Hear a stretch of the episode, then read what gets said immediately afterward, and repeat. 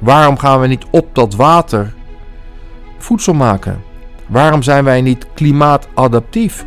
Hoeveel water er ook valt, hoeveel regen er ook valt, hoe hoog de zeespiegel ook stijgt. We moeten altijd dat maken wat extreem belangrijk is en essentieel voor de mens: voedsel. Uh, dat heeft toen de pers gehaald de volgende dag. En uh, vanaf toen is er eigenlijk een bom ontstaan op, pers, op, op, publiciteit in de media. We werden eigenlijk door de hele wereld benaderd. En um, in 2018 hadden wij uh, 500 miljoen mensen digitaal bereikt.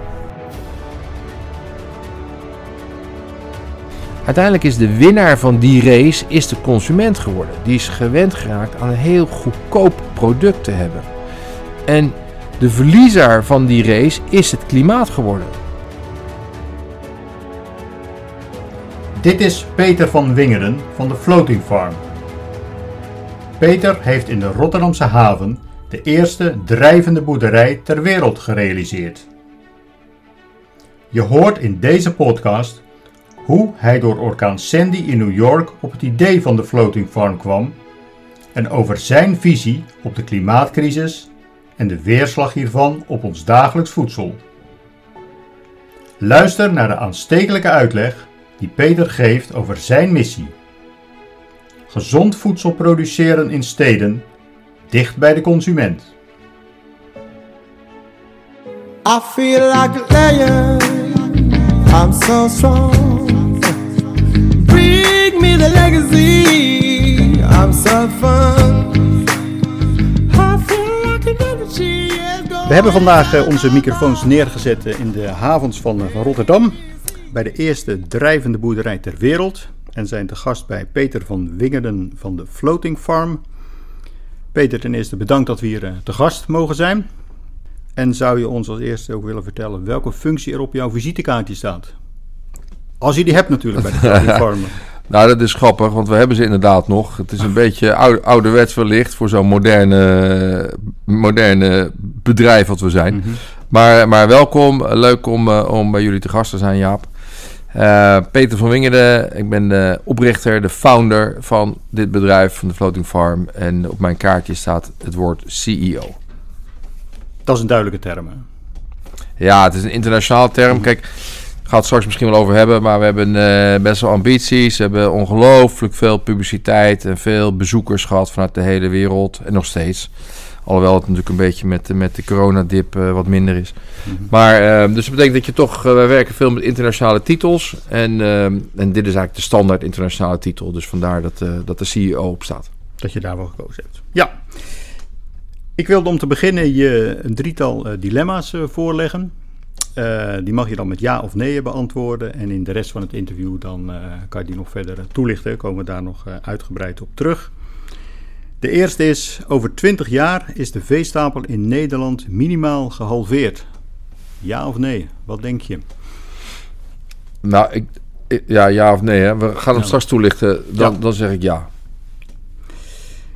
De tweede, de agrarische sector en de overheid beschouwen ons als een serieus alternatief. Zeker, ja. De consumentenprijzen voor ons voedsel en dus ook voor de zuivelproducten zijn te goedkoop. Zeker, ja. Nou, je hoeft er niet lang over na te denken, dus de zwaarte van de dilemma's viel mee. Ja. Okay. Nou, we gaan er natuurlijk zo nog, uh, nog verder op, uh, op in. En we gaan natuurlijk ook in op dit uh, unieke project wat jullie hier hebben, hebben neergezet. Er als eerste eventjes, wat heb jij met het boerenleven? Vanuit je jeugd misschien nou, Dat is een, uh, een, uh, een, fijne vraag om mee te beginnen. Ik had er heel weinig mee. En ik heb er inmiddels heel veel mee. Ik ben echt gegrepen door, door het, het boerenleven. Mm -hmm. het, is, het, is echt, het is echt mooi. Het is echt oprecht. Het is echt zo belangrijk in de wereld. Dat mensen iedere dag, s ochtends vroeg tot laat in de nacht opstaan om voor ons voedsel te maken. Het is meer dan een beroep. Het is, het is een passie, het is een drive. Het is, mensen zijn echt... We zien het hier op onze boerderij. We hebben een uh, fulltime boer. En de drive van, van onze boeren, maar ook vele boeren die hier zijn... om voor een ander te zorgen mm -hmm. en voor de dieren te zorgen... en ook de akkerbouw natuurlijk voor de planten te zorgen... is echt ongekend. En het is in mijn beleving echt sterk ondergewaardeerd. Door politiek, eh, door de maatschappij. Het is echt onwaarschijnlijk. Het is een mooi vak, het is een eerbaar vak, het is een prachtig vak. eh, maar het is in mijn beleving wel ondergewaardeerd. Maar dus terug naar jouw vraag. Wat heb jij ermee van, nou, van oudsher? eh, ik ben er niet meer opgegroeid. Ik heb er geen ervaring en kennis van. Ik had er geen ervaring en kennis van. En, ehm, maar inmiddels wel, want we worden natuurlijk iedere dag ermee geconfronteerd. Mhm. En het heeft me echt enorm gegrepen.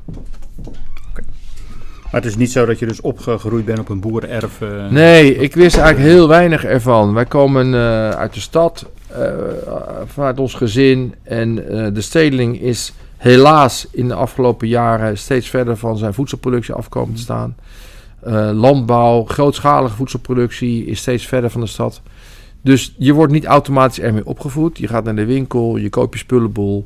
Maar de achtergrond, de achterliggende gedachten, het hoe, wat en waar... dat is nooit bij mij eigenlijk op tafel gekomen. De Floating Farm, eh, een drijvende boerderij. Eh, we kijken door de, de ramen hier, eh, we zitten in het, in het Rotterdamse havengebied en we kijken erop op uit. Zou je het voor de luisteraars kunnen omschrijven wat het precies inhoudt? Ja, voor ons is het belangrijk om, om voedsel te maken daar waar mensen wonen. Uh, mensen wonen wereldwijd in steden. Het is dus niet iets. Het is wel iets Nederlands, maar het is niet alleen maar gericht en gemaakt en bedacht voor de Nederlandse markt. Nee, het is voor de wereldmarkt. Mensen trekken naar de stad, dat noemen we urbanisatie. Mensen clusteren bij elkaar in die stad. Um, op dit moment is het voedselproductiesysteem als volgt. We maken zoveel mogelijk en zo goedkoop mogelijk voedsel. Dat betekent dat dat, dat dat ruimte vereist. En ruimte is niet in de stad, maar heel ver daar vandaan. Dus we maken voedsel op grote schaal. En dat distribueren we dus naar de stad. Dus voedseltransport via lucht, via vrachtwagens, via schepen is immens in de wereld. En dat heeft behoorlijke consequenties. Het is uh, vervuilend voor het milieu. Uh, de kwaliteit van het voedsel komt het niet ten goede, want we moeten het zo lang mogelijk houdbaar houden. Uh, en de kennis van mensen in de stad, omdat ze het niet zien, omdat het niet tastbaar is, is er dus ook gewoon niet. Dus wij vinden het belangrijk dat je voedsel maakt daar waar mensen wonen. Mensen wonen in steden en dat, dat geeft direct de vraag van waar vind je dan die ruimte in de stad om dat op een substantiële schaal te maken. Nou, wat we zien gebeuren is dat mensen kijken naar, nu naar daken. Dat is heel goed. Maar een dak is niet heel erg schaalbaar. Het dak van, van, van gebouw A is anders dan van zijn buurman B. Uh, mensen kijken naar grotten. Om daar ruimte te vinden in die stad. En, en wij, als een typisch Nederlandse vinding, hebben gekeken naar het water. Het water is een universeel iets in de wereld. Uh, ons water hier in de haven van Rotterdam is hetzelfde water als in de haven van, van New York of in Shanghai. Dus dat wat je hier ontwikkelt is hetzelfde water als elders en is ook heel erg schaalbaar. Dus we hebben gezegd we gaan een model maken op het water waar we gezond voedsel kunnen maken. En we zijn hier begonnen met, uh, met wel een van de meest ingewikkelde elementen van de voedselproductieketen. Dat is hoe ga je grote dieren in die stad dan houden? Mm -hmm. Hoe ga je een gebouw ontwikkelen op het water waar grote dieren een fantastische huisvesting kunnen vinden? Dat is dus koeien in dit geval. Dus we zijn begonnen met zuivel. En we hebben nu voor de verbeelding een, een, een, een, een, een, een bijzonder gebouw. Uh, een drielaags gebouw waarbij een derde onder het water zit. We hebben een begane grond. Uh, en we hebben een, een, een stal daarbovenop staan. Dus een drielaags gebouw. En uh, waar onze dieren leven. En um, ja, wat dus een nieuwe vorm is van, van, zoals onze minister het roept, de circulaire landbouw hier midden in de stad. Want jullie noemen het ook uh, transformation. Ja, wat, wat wij belangrijk vinden is wat, wat ik net al schetste. Uh, voedselproductie is een essentieel onderdeel van ons leven. Mm -hmm. Wij kunnen niet een dag zonder gezond voedsel. En uh, dat betekent dat het dus ook een essentieel onderdeel is van de nieuwe stedelijke ontwikkelingen. Dus als je een stad ontwerpt, dan is voedselproductie daar in onze beleving een integraal onderdeel van. Nou, je ziet steden doorlopend transformeren nieuwe wijken, nieuwe technologieën. Het moet duurzamer, het moet circulairder, het moet anders, het moet energie-efficiënter. en daar hoort voedselproductie een onderdeel van te zijn. Dus als je die steden transformeert naar een nieuwe fase, maak dan een farm onderdeel uit van zo'n nieuwe stadstransformatie. En dat hebben wij transformation genoemd. Een boerderij is een essentieel onderdeel van ons leven. Dus de harmonie tussen dieren, planten en mensen moet ook in die stad plaatsvinden. En, en dat noemen wij transformatie. En daar hebben wij, uh, dat woord hebben we gelanceerd een x aantal jaar geleden alweer. En dat, ja, dat vinden we overal terug nu in de wereld. Het is het nieuwe denken van hoe maak je, hoe ontwerp je een stad.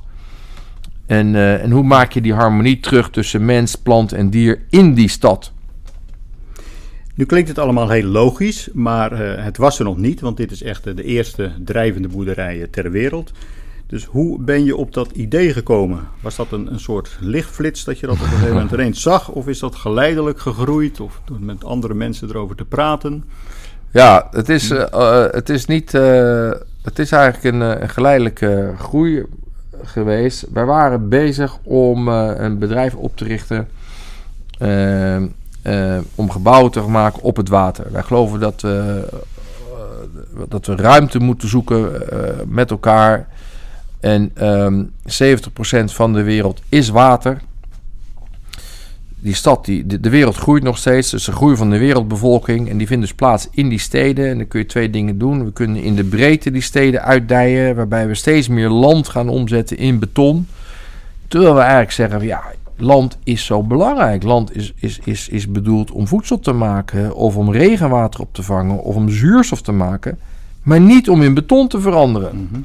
Dus als je niet in de breedte wilt, kun je ook nog naar, naar de hoogte toe. Wat ook weer zijn beperkingen en consequenties heeft. Dus hebben we gezegd van ja, waarom dan niet gebruik maken van het water? Dus we zijn door de wereld gaan verkennen. Is er een belangstelling? Hoe doen die steden het allemaal? En toen bleek dat er een vrij grote belangstelling was om te kijken naar, naar die uitbreiding van steden op het water. En uh, wij waren in, een, uh, in uh, New York aan de slag om te kijken om daar een woonwijk te maken op het water rondom Manhattan. En um, dat was net nadat de stad New York geraakt was door een enorme orkaan, Hurricane Sandy. En Hurricane Sandy heeft behoorlijk huisgehouden in die stad New York. Uh, totaal overstroomd, allerlei onderdelen van de stad vielen uit. Het was voor het eerst dat, dat, dat de mensen op Manhattan uit hun raam keken en een meter waterstand zagen in de straten. En een van de effecten was dat die stad niet bevoorraad kon worden met gezond vers voedsel. Supermarkten waren leeg, schappen waren leeg. En dan kun je het allermooiste appartement hebben in Manhattan of op de straat wonen, dat maakt niet uit. Je moet allemaal iedere dag voedsel hebben. En we zijn totaal afhankelijk van transport. Iedere dag. Nou, toen hebben wij gezegd van dat is ook wat. Wij zijn, wij zijn ontwerpen aan het maken op het water. Om daar te wonen, om naar het theater te gaan of een hotel te ontwikkelen. Waarom gaan we niet op dat water voedsel maken? Waarom zijn wij niet klimaatadaptief? Hoeveel water er ook valt, hoeveel regen er ook valt, hoe hoog de zeespiegel ook stijgt. We moeten altijd dat maken wat extreem belangrijk is en essentieel voor de mens: voedsel. Nou, en, en toen zijn we teruggegaan naar ons kantoor in Rotterdam. Gezegd, jongens, we gaan een boerderij ontwerpen. Een boerderij op het water die onderdeel uitmaakt van die stad. Die altijd dat kan maken wat belangrijk is, gezond voedsel. Uh, uh, toen zijn we gaan schetsen. Toen hebben we gezegd, weet je wat, we gaan met het meest moeilijke beginnen wat er op dat gebied is. Die grote dieren in die stad. Mm -hmm. Toen hebben we een eerste ontwerp gemaakt van een drijvende boerderij. En uh, nou, wij zitten met het kantoor in Rotterdam. En Rotterdam is natuurlijk een van de grootste havens in de wereld. Dus plenty water. En uh, toen is het balletje gaan rollen. We zijn vervolgens naar het havenbedrijf gegaan, naar de gemeente uh, gestapt van Rotterdam met dit idee. En iedereen was gelijk zo enthousiast dat de vergunningen vast geen probleem waren. En iedereen dacht natuurlijk van, uh, nou deze jongen die sport niet helemaal. En, uh, een, een boerderij in onze haven. Nou, het is, het is niet een kwestie van innovatief zijn, maar het is echt gewoon disruptief denken. Het is totaal anders Mhm. dan wat er al bestaat. En we hebben hier twee typisch Nederlandse vakgebieden, water en voedsel, bij elkaar gebracht in één gebouw. Op het water. Dus, dus eh, dat was een lastige opgave voor het havenbedrijf Rotterdam. Om een plekje te vinden. Wij vroegen om een plekje, geef ons een plekje. Eh, dat geven werd uiteindelijk huren. Een kademuur. eh, redelijk uit het centrum van de stad. Mocht het eventueel niks worden, dan is er geen haan die er naar kraait. Mhm. Maar, dus we kregen dit plekje hier. Vervolgens moesten we natuurlijk de vergunningsprocedure in bij de gemeente Rotterdam. Nou, dat heeft echt heel wat voet in aarde gehad. Er waren denk ik ook helemaal nog geen regels voor, voor zo'n Dat is- aanvraag. Precies, dat is dus het lastige, Jaap. Eh, eh, afdelingen willen graag eh, toetsen aan bestaande kaders. Van voldoet het aan A, voldoet het Mhm. aan B? Hoe ga je om met de brandweer? Hoe ga je om met parkeren?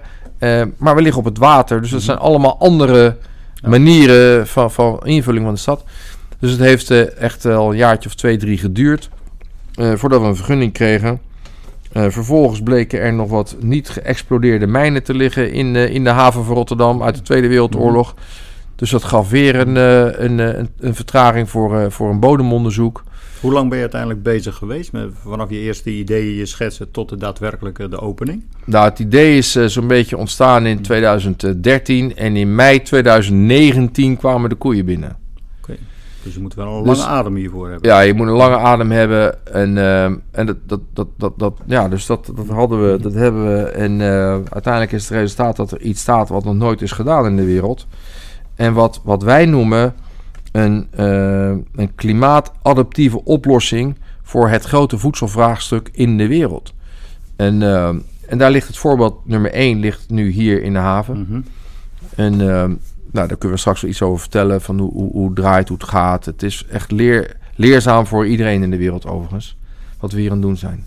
Er staan ook hele leuke filmpjes op jullie eh, website inderdaad. Dat het eh, ja, voor iedereen ook eh, visueel duidelijk is inderdaad. Wat je net vertelde over de, de verdiepingen en wat erbij zit. En, en de zonnepanelen en hoe jullie met het regenwater omgaan en, en dat soort zaken. Dus hele interessante, interessante filmpjes. Ja, je hebt het eigenlijk al genoemd inderdaad. Jullie hebben ook bewust gekozen voor het water en niet bijvoorbeeld op een kade in, een haven want, of, of in een binnenstad. Want dan zou je ook wel in de, in de stad zitten. Maar jullie hebben echt bewust gekozen voor, dat voor dat water. Heeft dat nog, een, nog echt een specifieke reden? Ja, we hebben ehm, eh, dus gezocht naar ruimte in de stad. Dat is, dat is Mhm. één. Eh, we wilden geen littekens maken in de stad. Dus, dus geen land veranderen in beton. Eh, dat is twee. En drie, we hebben te maken met een klimaatverandering. Het zal steeds meer gaan regenen. We hebben te maken met een zeespiegelstijging. Als je de, de rapporten leest van het, eh, van het IPCC, dat is het internationale orgaan over klimaatverandering, dan is de kans vrij groot dat tussen nu en 80 jaar de zeespiegel 2 meter stijgt. 2 meter Hmm. stijgt. Dat is echt onvoorstelbaar, maar dat is nog wel in het, in, in, in, in, eh, het leven van onze kinderen en kleinkinderen. Dus het is niet iets heel ver weg. Nee, het is iets wat we, wat we gaan mee gaan maken eh, in een volgende generatie. En 2 meter stijging is dramatisch voor heel veel landen. Dus, dus daar moeten we of tegen strijden. We moeten zorgen dat het klimaat niet, niet harder verandert dan dat we nu hebben afgesproken in Parijs. We hebben net Glasgow gehad. Dus we moeten daar ons uiterste best voor doen. Maar we kunnen misschien ook vast maatregelen nemen om mee te gaan, om adaptief te zijn met die klimaatverandering. Nou, en dit is een voorbeeld van het adaptieve bouwen in een stad. Dus eh, we liggen hier in de haven van Rotterdam. We hebben een getij van 2 meter. Dus wij gaan iedere dag 2 meter omhoog en 2 meter Mhm. naar beneden. Dat is als het ware een simulatie van stel dat de zeespiegel 2 meter stijgt. Nou, dan is dat voor ons geen probleem. Want wij laten hier al zien dat je dus daar heel adaptief, eh, flexibel mee om kunt gaan. Dus, dus ook al dreigt het water de stad in te gaan, wij kunnen nog steeds gewoon voedsel maken. En eh, dus dat is een van de grote voordelen van, van, eh, van op het water bouwen. Dus los van die, Mhm. die, die schaalbaarheid, we kunnen morgen verbreden, we kunnen verdiepen, we kunnen de hoogte, we kunnen in de diepte. We zijn gewoon flexibel met waterstijging. Hoeveel uh, schat je in hoeveel mensen ondertussen al van de floating farm uh, hebben, hebben gehoord? Want uh, jullie zijn, als je het intikt op, op, Google, al op heel veel media te vinden. Dus volgens mij is het wel al, al wijd verbreid. Heb je enig idee ook, ja. ook internationaal, hoe dat het aanslaat? Ja, dat is, dat, dat is een goede vraag. Toen wij, het, toen wij een akkoord kregen van de gemeenteraad... Toen, uh, toen werd de fameuze vraag gesteld van... worden de koeien niet zeeziek mm -hmm. op de boerderij? dat heeft toen de pers gehaald de volgende dag. En vanaf toen is er eigenlijk een bom ontstaan op, pers, op, publiciteit in de media. We werden eigenlijk door de hele wereld benaderd... En um, in 2018 hadden wij uh, eh, 500 miljoen mensen digitaal bereikt. 500 miljoen mensen. Uh, en in 2019 was dat gegroeid tot 1 miljard. 1 miljard. Het is echt onbegrijpelijk ja, en onvoorstelbaar, dat soort aantallen. Um, nou ja, uiteindelijk uh, hebben we ook uh, heel veel mensen ontvangen. We hebben uh, voor de corona hadden we hier ongeveer 40 tot 50 groepen per maand. Mm -hmm. Uit de hele wereld, van Japan tot Amerika. Van een heel divers pluimage. Studenten, stedenbouwkundigen, ministers, wethouders, bestuurders. Uh, ze zijn allemaal hier geweest om te kijken van wat, wat, wat, wat, zit, wat is dat nou mhm. precies voor rariteit? En is dat misschien een oplossing voor onze stad, voor ons land, mhm. ergens in de wereld? Dus we hebben een uh, gigantische media-aandacht gehad. Maar we hebben ook iedere week hier wel een, uh, en, en, en nog steeds een internationaal journalist. Die komt filmen, die komt kijken, die komt fotograferen. En die schrijft er een artikel over. Omdat, en dat is belangrijk, eh, de wereld zoekt naar een oplossing om duurzamer te worden, om meer circulair te worden. Uh, om ook niet geopolitiek afhankelijk te zijn van andere landen. Als jij afhankelijk bent van een ander land op, op, op, op voedsel, jouw essentieel element in jouw eigen land, dan is dat wel een afhankelijkheid waarvan je zegt van nou, wil ik dat wel? Dus landen zoeken naar een oplossing om lokaal in eigen kenniskunde, beheer voedsel te gaan produceren in de wereld. Dus daarom hebben wij internationaal waanzinnig veel, veel belangstelling. En uh, tot op de dag van vandaag. En zijn er al, zeg maar, door die zaadjes die je hier plant met die mensen die hier op bezoek komen, al, uh, al andere initiatieven uh, ondernomen in andere delen van, van de wereld? Ja, zeker. We hebben uh, onwaarschijnlijk veel vragen gekregen vanuit heel veel steden in de wereld. Van, goh, kun je eens bij ons langskomen? Kun je het verhaal hier komen mhm. vertellen? Kun je kijken of het ook een oplossing voor ons is?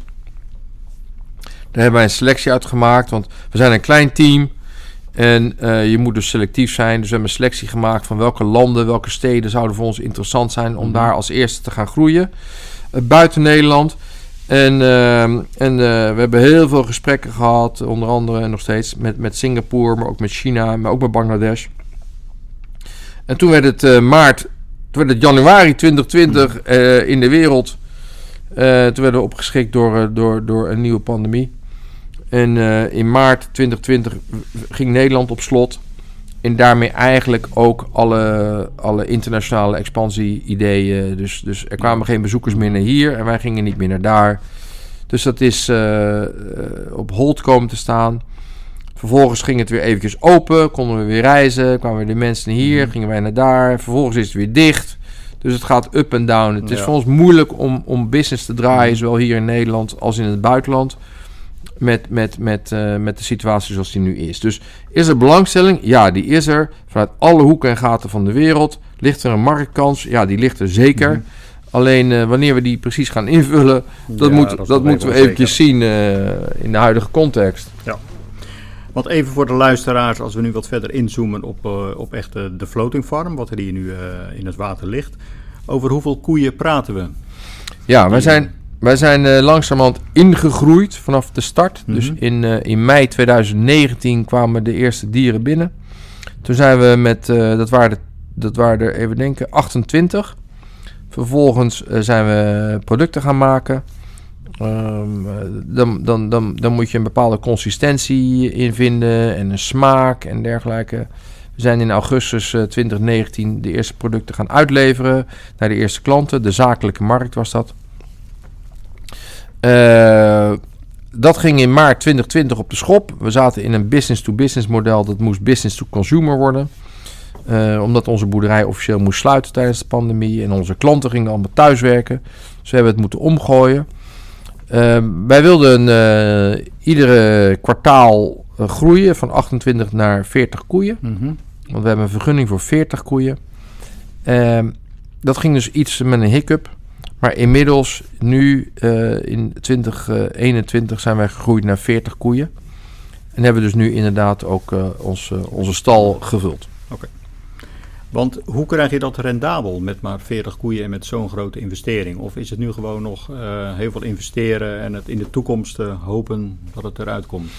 Ja, goede vraag. Uh, we zijn nog niet uh, break-even. Dat hadden we gepland om binnen anderhalf jaar naar de start break-even te zijn. Mm -hmm. Niet wetende van de, de pandemie die uitbrak en ons zwaar trof. Dus wat ik net al zei, onze klanten die gingen allemaal thuiswerken. Dus we moesten naar een nieuwe markt toe, consumentenmarkt. Dat betekent opnieuw investeren, consumentenmarketing, distributie, wagenpark, uh, meer mensen, een eigen winkel. We hebben nu een prachtige boerderijwinkel hier op het terrein geopend. Dus, dus we hebben meer moeten investeren. Dus dat break-even moment is, uh, is uitgesteld. Uh, tot uh, ongeveer begin volgend jaar uh, verwachten we break-even te zijn. Want het gaat heel erg goed in die consumentenmarkt. Mm -hmm. Maar hoe, hoe raak je überhaupt break-even met een, een boerderij met maar 40 koeien? De, de, de crux van dat antwoord zit hem erin um, dat wij onze melk die we produceren zelf verwaarden naar consumentenproducten. Mm -hmm. Dus de stal is als melkbedrijf één en de stal verkoopt zijn melk aan de zuivelverwerking die een verdieping lager zit. En die zuivelverwerking die verkoopt de producten aan de consumentenmarkt. En die combinatie maakt het mogelijk om zelfs met een kleine boerderij van 40 koeien break-even te zijn. Dat is één. Uh, twee, uh, hebben wij een aantal andere uh, voordelen en producten. Eén daarvan is dat wij heel veel voedsel voor onze dieren halen uit de stad. Mm -hmm. Dus onze voedselkosten zijn relatief uh, lager dan een regulier bedrijf. Uh, dat is één. En twee, wij verwaarden onze mest in consumentenproducten. Dus wij maken van mest maken wij weer nutriënten, voedingsstoffen voor de bodem. En die verkopen wij weer als organische meststof naar de stedeling hier in Rotterdam. Dus dat is ook een extra inkomsten. Uh, de derde inkomsten zijn uiteraard onze bezoekersstromen. Die zijn dan weliswaar nu naar nul. Omdat we geen mensen meer hebben vanuit de hele wereld. Maar dus we hebben een paar extra posten. Andere posten dan een regulier die een melkveebedrijf heeft. Uh, ja, ja, ja oké. Okay. Want je noemde net al eventjes, uh, de, de vindt ook zeg maar uh, vanuit de stad, vanuit Rotterdam komen er ook, nou noem het maar even, voor die bedrijven afvalstoffen komen er, komen er hier naartoe, wat weer als voedsel fungeert. Klopt het dat het zelfs dat het heilige gras hier ook naartoe gaat? Ja, dat is een heel, heel leuk verhaal. Wij hebben inderdaad, zoals ehm, we noemen, we zijn een circulaire boerderij. Dus we krijgen allerlei reststromen uit de stad waar nog waardevolle elementen in zitten. dus we kijken naar hoeveel proteïne, hoeveel eiwitten zitten er nog in stoffen, mm-hmm. hoeveel vezels, hoeveel vetten, hoeveel vitamines enzovoort. Dus die, die collecteren we uit de stad. En dat, dat gaat van de stadsbierbrouwerij, reststroom, mm -hmm. tot aan de sinaasappelschillen van retail. Dat komt allemaal niet hier. We krijgen heel veel verschillende voedselstromen. Brood krijgen we uit de stad. Maar we krijgen ook inderdaad gras van, van het heilige gras van het Feyenoordstadion. We werken heel nauw samen met Feyenoord. Dus vanuit de Kuip komt er drie keer per week bakken vol met prachtig gemaaid gras. En dat gaat uh, naar onze koeien toe en die maken er weer uh, gezonde melk van. Nou, dat, dat moet een, een, meerwaarde creëren in de producten. Nou, het is, het is, kijk, het is natuurlijk, uh, menigeen zegt van, nou ja, dat zet dus bijna geen zoden aan de dijk. Nou, wat voor ons heel belangrijk is, is om ook die transparantie te laten zien en die educatieve waarde van wat is het om gezond voedsel te maken. En hoe bereik je dan een groot publiek, met name in de stad, door bijvoorbeeld dit voorbeeld. Dus we zijn echt heel trots op om samen te werken met Feyenoord. Uh, waarom? Omdat het een aansprekend voorbeeld is, ook naar kinderen toe. We zeggen, dit gras zetten onze koetjes om in gezonde voeding. En die voeding die gaat weer terug naar, naar, naar Feyenoord. Mhm. En daar kunnen de mensen in de stad ook gebruik van maken. Dus het, het inzichtelijk maken van die circulatie van reststromen uit de stad... daar speelt Feyenoord voor ons een heel belangrijke rol in. Dus er komt hier echt geen, uh, geen soja uit uh, Brazilië? Nee, nee, nul, nul, nul. Helemaal niks. Helemaal nee, niks? Uh... Nee, helemaal nul. Nee, helemaal nul. We zijn echt super duurzaam en super circulair. Oké. Okay. waarvoor gebruik je robots?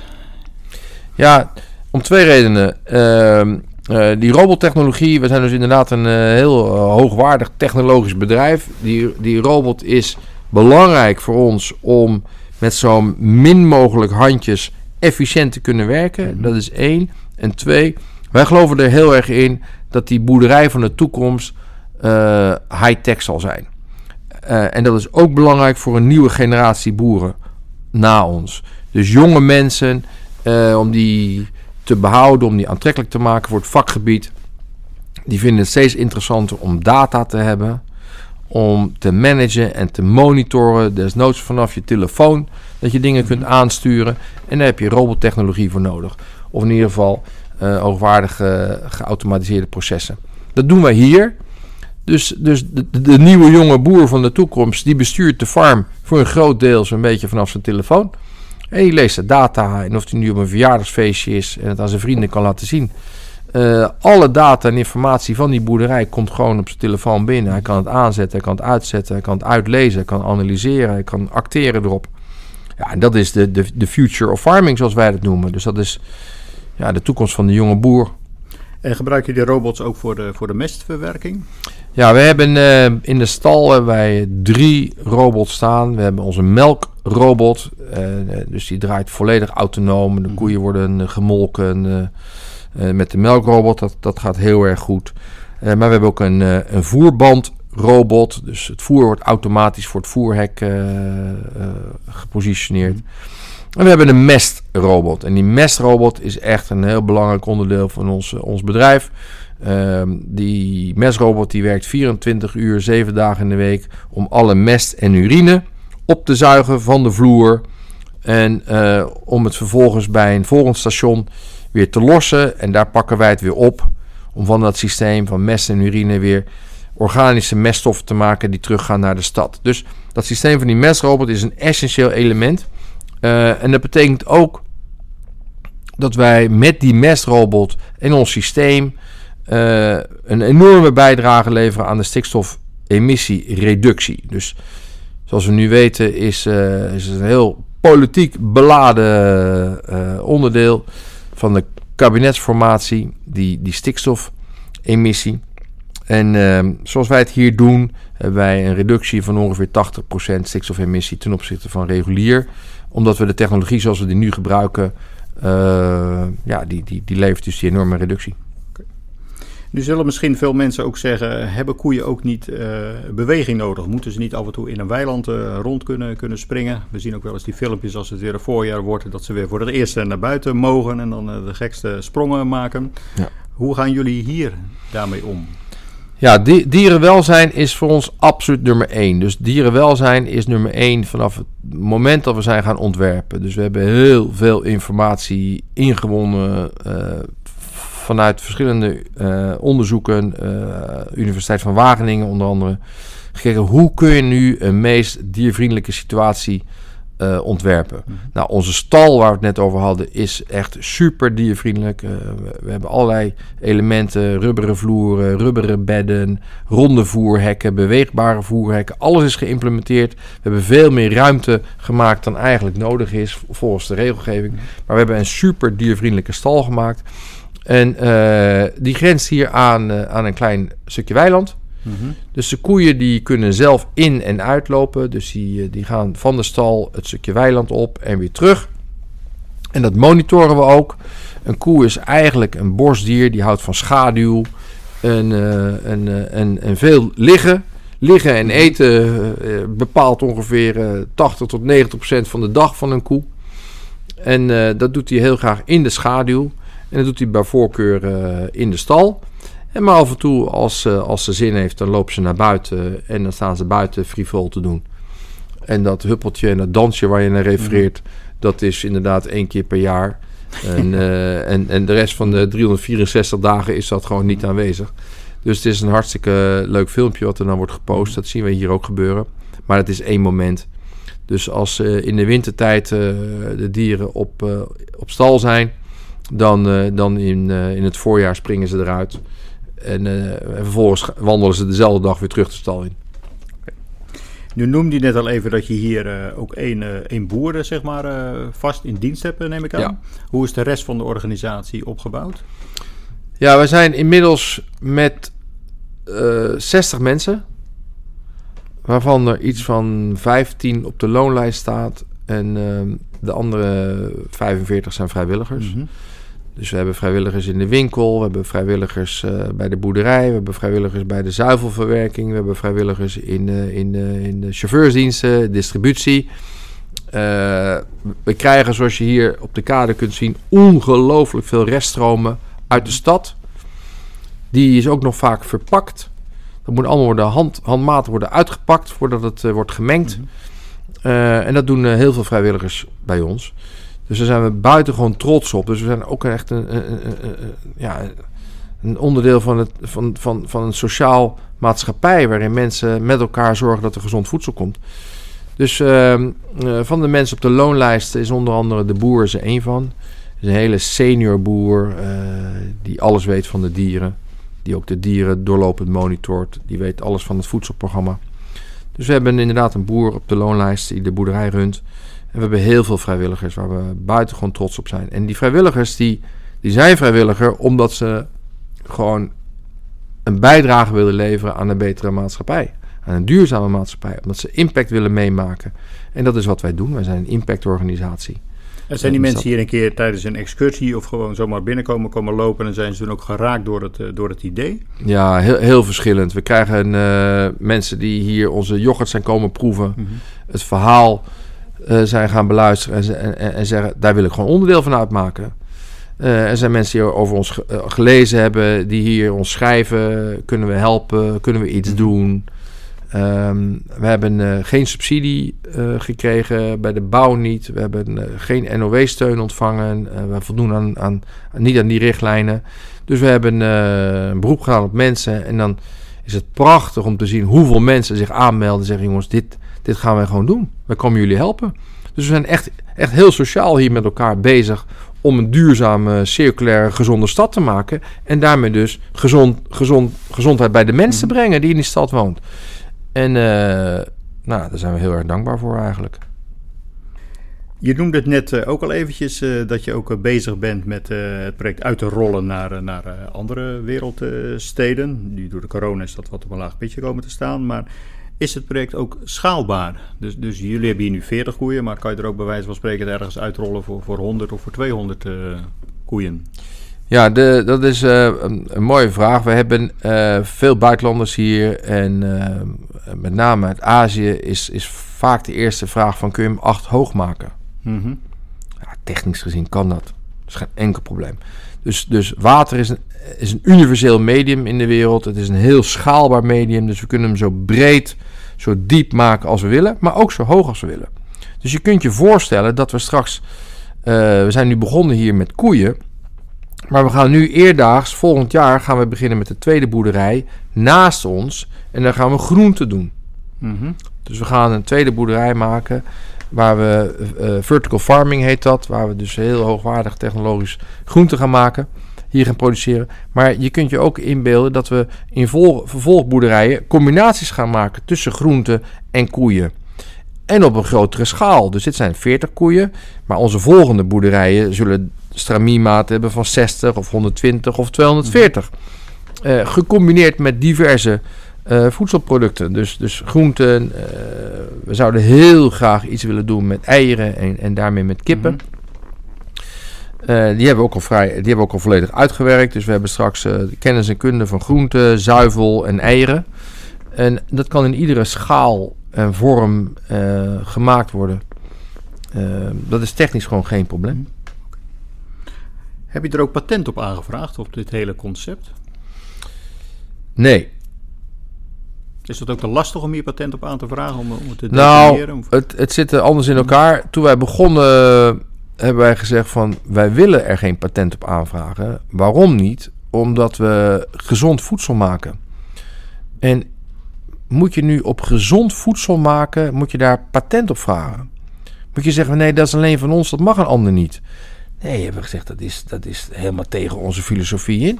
Wij vinden dat de hele wereld dit moet gaan doen. En, eh, en wij zijn daar voorloper in.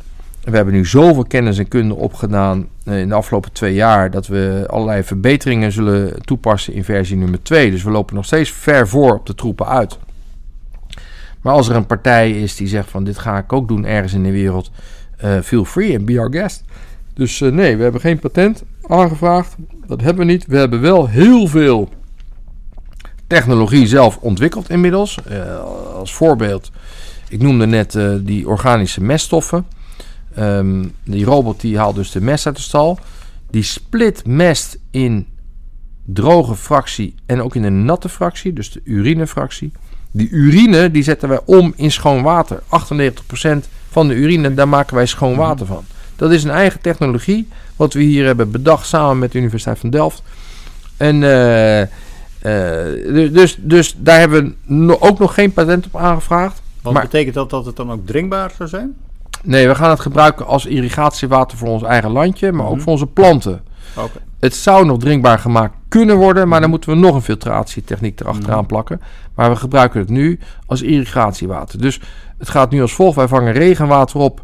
eh, eh, dat filteren we, dat gaat als drinkwater naar de koeien. De koeien maken daar melk van en mest. Die mest, daar maken we weer schoon water van. En dat gaat weer terug als irrigatiewater naar de planten. Dus het is super, super duurzaam, super circulair. Alles is transparant, mensen kunnen komen kijken. Dus er, ligt nergens een patent. Maar we hebben wel veel kennis en kunde inmiddels van een aantal onderdelen Mhm. in het systeem. En ehm, dus, dus op je vraag, ligt er een patent? Nee. Willen we dat eigenlijk? Daar is het antwoord ook nee. Maar is het makkelijk na te maken? Eh, daar is het antwoord waarschijnlijk ook nee op. Voorlopig nog niet. Nee, want jullie zijn natuurlijk hier nu al een paar jaar bezig. Ja. Dus alles wat je van achter de tekentafel eh, had bedacht, dat heb je nu in de praktijk ook al eh, kunnen toetsen. Maar daar ben je waarschijnlijk ook wel weer eh, hobbels tegengekomen Enorm om het weer veel, ja. aan te passen. Ja, Ja, ja, ja. Dus, dus je hebt natuurlijk een enorme kennisvoorsprong op dat gebied. Ja, we hebben een enorme lijst met, met, met verbeteringen voor nummer 2. Mhm. Nummer 2 gaan we dus nu eerdaags maken. En ook daar komen weer veranderingen en verbeteringen in naar voren. Ja. En ehm, ja, dus die voorsprong die hebben we wel. Het is eigenlijk een continu proces. Het is een continu Mhm. proces van verbeteren, nadenken. Hoe kan het nog slimmer? Hoe kan het nog Mhm. compacter? Hoe kan het nog schoner? Hoe kunnen we nog meer onderdeel zijn van die stedelijke context? Dat is voor ons belangrijk. En hoe kunnen we het verhaal nog meer vertellen Mhm. naar mensen in die stad? Dus, ehm, dus technisch verbeteringen, Mhm. communicatief verbeteringen, distributietechnisch verbeteringen. Dat blijven we steeds toetsen, hier eh, inderdaad. Heb je hier ook veel bezoekers vanuit eh, de boeren, de agrarische sector? Mensen die, die, ook, die zelf een boerderij eh, hebben en die hier ook komen kijken hoe jullie het hier doen. Ja. Ja, we hebben echt. voor de pandemie hadden we heel veel groepen. boerengroepen uit Nederland, maar ook uit het buitenland. in grote getalen. En eh, ja, die kijken natuurlijk vreemd tegen ons aan. Mhm. Maar als je met elkaar in gesprek gaat en zij begrijpen van hé, hey, wij zijn eigenlijk één van hen. Mhm. Wij zijn ook boer. En wij pleiten ook voor de aandacht voor, voor, voor, voor het vak van de boer. Dan zit je al heel snel op dezelfde pagina. Wij doen wel anders. Ehm, in het begin is het raar. Maar eigenlijk is het dus niet raar. Wij doen allemaal hetzelfde. Dat is gezond voedsel maken. Alleen wij doen het op een andere manier. Maar dus we krijgen eh, nou, best veel lof van, eh, van onze boerenvrienden. Eh, skepsis is omgezet in lof, omdat we eigenlijk op dezelfde pagina zitten. We strijden voor hetzelfde verhaal. Ehm, waardering voor het vak van de boer. En dat meen ik oprecht. Ik heb zelf inmiddels onwaarschijnlijk veel waardering voor de boer. Eh, voor het vakgebied van de boer. En, eh, en wij zijn er zelf één van. Dus eh, nee, we werken heel graag met elkaar samen. En een van de dilemma's waar we dit interview mee begonnen was natuurlijk ook van zijn onze prijzen die we voor ons voedsel en voor onze zuivelproducten betalen eigenlijk niet te laag? Nou, daar- daarop zei je gelijk al ja. Want eigenlijk als je ziet wat er allemaal voor moet gebeuren, Ja. dan, dan is dat eigenlijk niet houdbaar, die lage prijzen meer, denk ik. Nou, het is heel eerlijk gezegd een beetje gênant, to be Mhm. honest. Als, eh, eh, als ik zie wat een boer moet doen, zeven dagen in de week, Mhm. met zo beperkt verlof, om te zorgen dat we iedere dag een, een, een glas melk of een slaakrop of een brood of Mhm. nou ja, wat we allemaal maar maken op tafel hebben staan, is echt ongekend. En waar denk je eigenlijk dat, dat de grootste bottleneck daarin zit? Zijn, zijn het dan, moet ik dan denken aan de, de groothandel, de, de supermarkten die, die de prijzen te veel bepalen? Nou ja, Ja. uit- uiteindelijk is natuurlijk aan het eind van die keten is die consument, zoals jij Mhm. De consument is. eh, kijk, nog even terug naar het systeem. In de afgelopen eh, 50 jaar zijn wij een economie gaan aanhangen, aanhangen die heet economy of scale. Dus je probeert zo concurrerend mogelijk, zo op grootste schaal mogelijk iets te maken waardoor je concurrerend bent. Omdat prijs, prijs, prijs, prijs, prijs is concurrentie. En dat betekent dus ook dat je misschien wel wat minder aan de kwaliteit gaat doen, omdat je goedkoop, goedkoop, goedkoop Mhm. moet zijn. Uiteindelijk is de winnaar van die race is de consument geworden. Die is gewend geraakt aan een heel goedkoop product te hebben. En de verliezer van die race is het klimaat geworden. Dus we kunnen wel heel goedkoop heel veel iets maken. En dat met vrachtwagens en schepen en vliegtuigen naar die consument brengen. En de emissie van al die vrachtwagens en die schepen, dat komt allemaal in ons klimaat terecht. De klimaat is de grote verliezer geworden. En de consument is, denkt hij, zij, de grote winnaar van de afgelopen geschiedenis. Maar die klimaat, de consument wordt nu geconfronteerd met de ellende van die klimaatverandering. Dus als we die cirkel willen stoppen, moeten we zeggen als consument: het is klaar. Het is klaar dat wij zeggen van we halen bio-uien uit waar dan ook vandaan in de wereld. Het is klaar. We moeten, moeten nadenken hoeveel we lokaal, duurzaam en schoon kunnen ontwikkelen zelf. En dat kost meer, absoluut. Maar het kost niet meer richting het klimaat. En, eh, en die klimaateffecten, daar hadden we het eerder over. Als die zeespiegel stijgt, dan krijgen onze kinderen en onze kleinkinderen daar de rekening van. En dat komt door ons nu. Als consument moeten wij zeggen van nee, het is nu klaar. We moeten bereid zijn om misschien 20, 20, eh, 10 tot 20 procent meer te betalen voor gezond, eerlijk geproduceerd voedsel.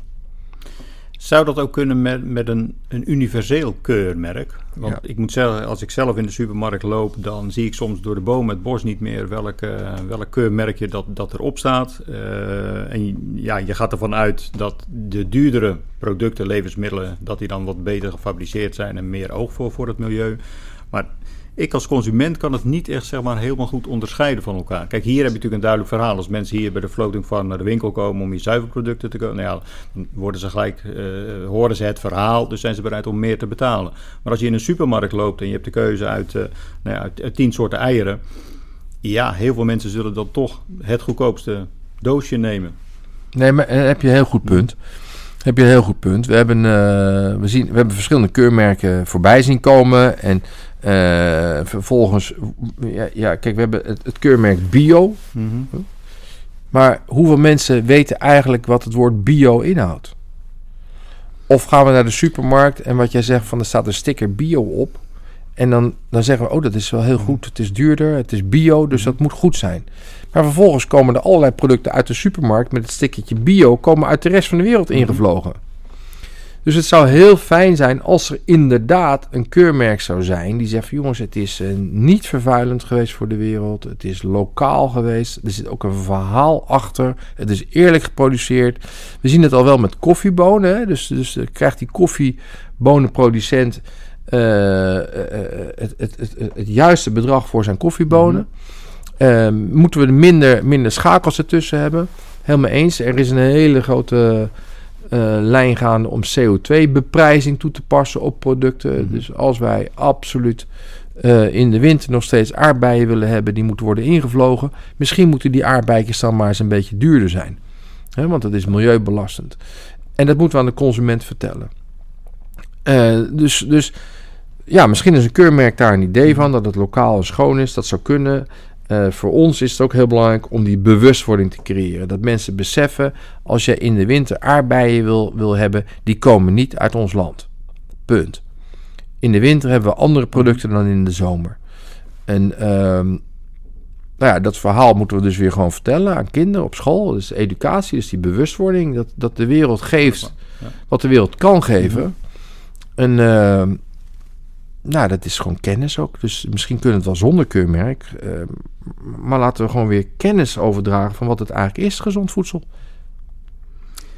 Ik heb altijd een, eh, een, slotvraag in deze, in deze podcast. En die combineer ik eigenlijk met het uh, eerste dilemma waar we het over hadden. Het eerste dilemma was: uh, verwacht je dat over 20 jaar de veestapel in Nederland gehalveerd zou zijn? Daarover sprak je gelijk de overtuigende antwoord ja op uit. En mijn vraag is altijd: wat zou je eerste beslissing zijn als, als je minister zou, zou worden? Nou, we zitten aan de vooravond van een nieuwe ministersploeg. Dus het zou nog kunnen dat je een belletje, belletje krijgt. Dus hoe zou jij als, als je minister van Landbouw zou worden daarmee omgaan met die, met die veestapel? Ja, je, je, je stelt het terecht. Ik, uh, ik, ik, ik leg je een aantal dilemma's voor. En waarom is dit voor mij een dilemma? Dat is het volgende. Um, ik vind, we maken nu producten eigenlijk voor de rest van de wereld hier in Nederland. Dus wij, wij zijn een enorm voedselexportland. Uh, met dezelfde, tegelijkertijd importeren we heel veel voedsel. Mhm. nou, die, dat, is, dat is gewoon niet in balans, dat is, dat is duidelijk. Maar ik ben er dus geen voorstander van dat wij voedsel blijven exporteren. Ik, ik ben er voorstander van dat wij kennis en kunde en technologie exporteren mhm. en geen voedsel. Dus vanuit dat dilemma zeg ik van wij zouden, kunnen, wij zouden terug kunnen. Uh, de andere kant van de medaille is dat we maken met de veestapel gezonde voeding. En we weten dat er in de wereld nog 800 miljoen mensen zijn die gewoon geen voedsel hebben. Gewoon geen voedsel. En dan zeggen we hier, weet je wat, laten we mij, wij maar wat minder voedsel maken. Die luxe kunnen wij ons als land permitteren. Dus weet je wat, we halveren de veestapel. Mhm. Omdat we, wij als Nederland ons dat kunnen permitteren. Maar tegelijkertijd zijn er 800 miljoen mensen, bijna 1 miljard mensen, die hebben geen eten. En wij zeggen, laten we maar minder eten maken hier. Nou, dat vind ik dus een dilemma. Mm Dus enerzijds, we moeten lokaal, die 800 miljoen mensen moeten lokaal kennis, kunde, training en technologie hebben om een eigen voedsel te maken. Daar ben ik van overtuigd. Dat heeft een periode nodig. Dus ik was blij dat je de vraag stelde over 20 jaar en niet over morgen. Uh, dus, dus ik verwacht, en daarom antwoord ik ja, ik verwacht dat onze landbouw, onze veeteelt sector, onze totaal landbouwsector, zal gaan veranderen. Dat we, dat we meer klimaatadaptieve, misschien zoute producten gaan maken en dergelijke met de kennis en kunde van de boeren. Dat het aantal dieren zal, zal, zal minder gaan worden. En dat we tegelijkertijd moeten zorgen dat de rest van de wereld wel kan blijven eten. Dat is, en die kennis en kunde hebben we in Nederland. En daarom antwoordde ik ja. Ik denk op de long run dat dat gaat gebeuren langs die as. Maar dat we gelijktijdig het, de boerenkennis, de liefde, de passie voor het vak van eten maken, hier moeten omschakelen naar, naar, naar, naar andere mogelijkheden, lokaal. Um, dus, dus, dus wat zou ik uh, doen als minister? Dat, dat is een ingewikkelde vraag. Ik, ik, ik, ik heb die vraag uh, niet gekregen. Ik, ik ben daar ook eerlijk gezegd niet mee bezig. Maar uh, ik zou wel heel graag een langere termijnvisie ontwikkelen.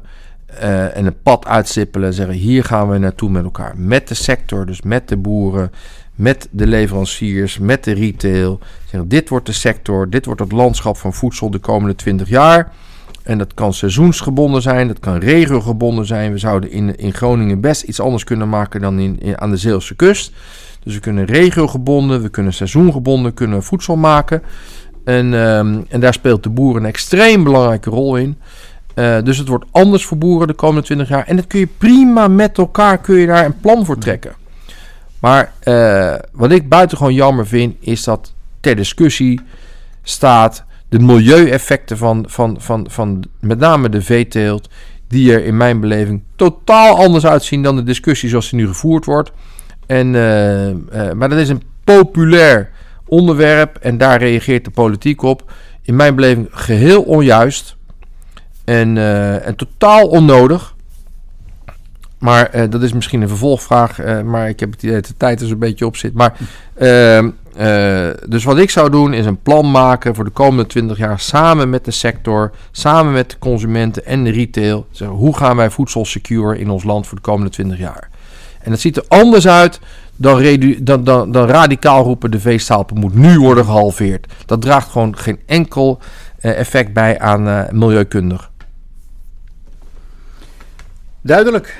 We zijn inderdaad uh, gekomen aan het eind van het, van het interview. Ik wil je heel hartelijk bedanken. Toen ik ooit twee jaar geleden begon met mijn podcast, toen was mijn intentie om mensen achter de microfoon te krijgen die met passie en energie over uh, hun verhaal wilde, wilde vertellen, over hun onderwerp en uh, waar zij uh, s ochtends voor springend uit bed komen, zeg maar. Nou, ik, ik heb er hier weer eentje met, met jou gevonden, dus ik wil je bedanken voor dit, voor dit inspirerende interview. Heel graag gedaan, dankjewel.